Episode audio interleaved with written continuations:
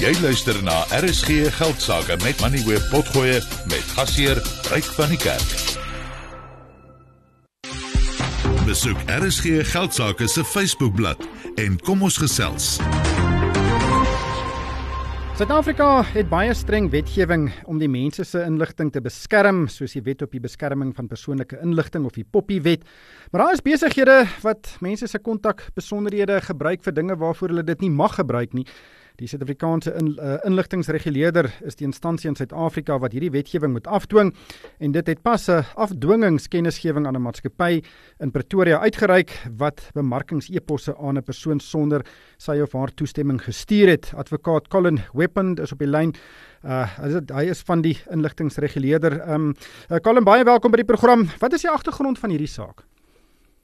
Uh goeie naand Ryk. Ehm um, Ryk, uh sover dat uh ons aan betref het ehm um, bemarking aan 'n sekere nie kliënt van die spesifieke ehm um, responsible party uitgegaan of bemarker en uh, hulle het dan ook nou toe ehm um, die saak aanhange gemaak by die inligtingreguleerder. Die inligtingreguleerder het dan die saak ondersoek. Ons het dan bevind dat ehm um, die wetgewing oortree was, uh, spesifiek artikel uh, 69.1 wat vereis en dit is 'n baie belangrike punt uh, wat ek beklemtoon wat vereis dat jy eers toestemming moet vra by die spesifieke persoon voordat die bemarking ehm um, uitgereik word of uitgestuur word. En op een voorwaarde dat hierdie spesifieke persoon nie voorheen geweier het.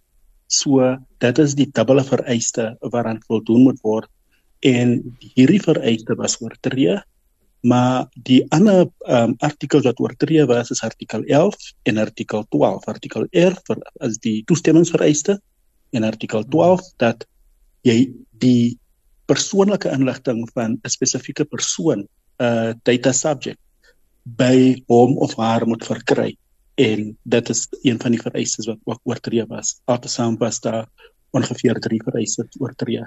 Ja, ek ek het die die persverklaring gelees en dis baie duidelik dat dat jy moet nou toestemming vra om van hierdie e-posse, hierdie bemarkings-e-posse na mense toe te stuur. Maar ek kry ek kry op 'n gewone dag 1500 e-posse en daar's 'n magdom van hulle wat kom van mense wat ek van geen kant af ken nie wat goed aan my probeer smous. So so hoe groot is hierdie probleem? Ehm um, of kan miskien dat ek dit anders stel. Hoeveel van hierdie ehm um, uh, hierdie uh, afdwingingskennisgewings het julle al in Suid-Afrika uitgereik teen mense wat net eenvoudig hulle nie steur aan papie nie en net e-posse stuur vir mense vir wie uh, en wat hulle wil? uh, baie dankie die dit is 'n enorme is 'n enorme probleem is 'n baie groot probleem in Suid-Afrika veral en wat ons dan vandag gedoen het met ons persverklaring was om um, gister altens is om die publiek in kennis te stel dat dit die eerste van sulke afdwingingsbevele was wat ons uitgereik het uh teen direkte bemarkers wat die wet oortree. So was dit die eerste ene en en ek as ek reg onthou is ja. is die reguleerder hier in 2016 2017 op die been gebring. Dit is net so, maar net om jou 'n bietjie agtergrond te gee ryk. Ons het van 2016 af tot 2020 stelsels, prosedure en die hele administratiewe uh uh um um omgewing in plek in plek gestel en na dit het ons nou toe um gevra dat ons uh, magte ehm um, nou ehm um, in werking tree en dit was ook gegin in 2021 in Junie, uh, sorry 1 Julie en so het ons uh, magte nou uh, in werking getree en ons het nou toe die eerste van ons uh, afdwingingsbevele uitgereik en een van ons eerste boetes teen die departement van justisie. Ja, ons het gepraat oor die boete deur die departement van justisie. Dit het gegaan oor uh, oor uh, oor 'n sekuriteitsprogrammatuur as ek reg onthou. Maar ehm um, wat beteken hierdie afdwingings ehm um, kennisgewing nou vir hierdie firma FR Ram Consulting? Ehm um, wat wat behels dit met hulle boete betaal of is daar ander gevolge? O, so FR Ram moet binne 90 dae voldoen aan die afdwingingsvereiste wat ons vir hulle gestel het indien hulle nie binne 90 dae aan die afdwings vir 'n uh, bevel se vereiste voldoen nie, dan gaan ons 'n boete uitreik. Ons noem dit in Engels 'n infringement notice. Dit is nou die finale stap. Uh, so dit is dan die prosedure wat ons volg uh, in terme van die wetgewing. So hulle moet basies ophou om dit te doen binne 90 dae. Anders word hulle beboet. Hulle moet hulle moet ophou en hulle moet seker maak hulle voldoen aan al die vereistes wat ons in die afdwingingsbevel vir hulle gestuur het. Dit is nou om 'n uh, privacy impact assessment te doen. Hulle moet sorg dat hulle 'n raamwerk in plek stel en vele ander vereistes, maar die vereistes moet voldoen word, moet aan voldoen word binne 90 dae.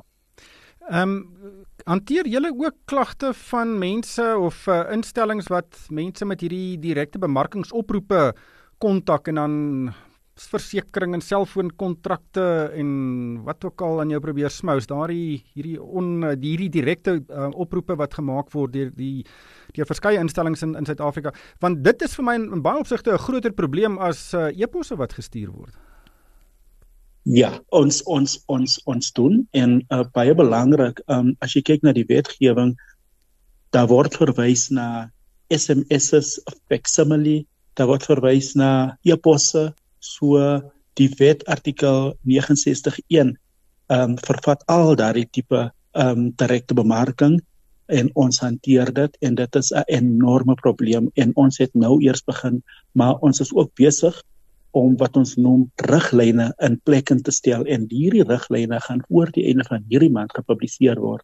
En wat ons ook doen um, is uh, ons het uh, al 'n uh, um, aansoek ontvang vir um, vir 'n 'n code of conduct van die direkte bemarking Suid-Afrika af die massa maar ons het dit ongelukkig afgekeur omdat dit nie voldoen het aan die riglyne in terme van artikel 40 wat ons in in plek gestel het.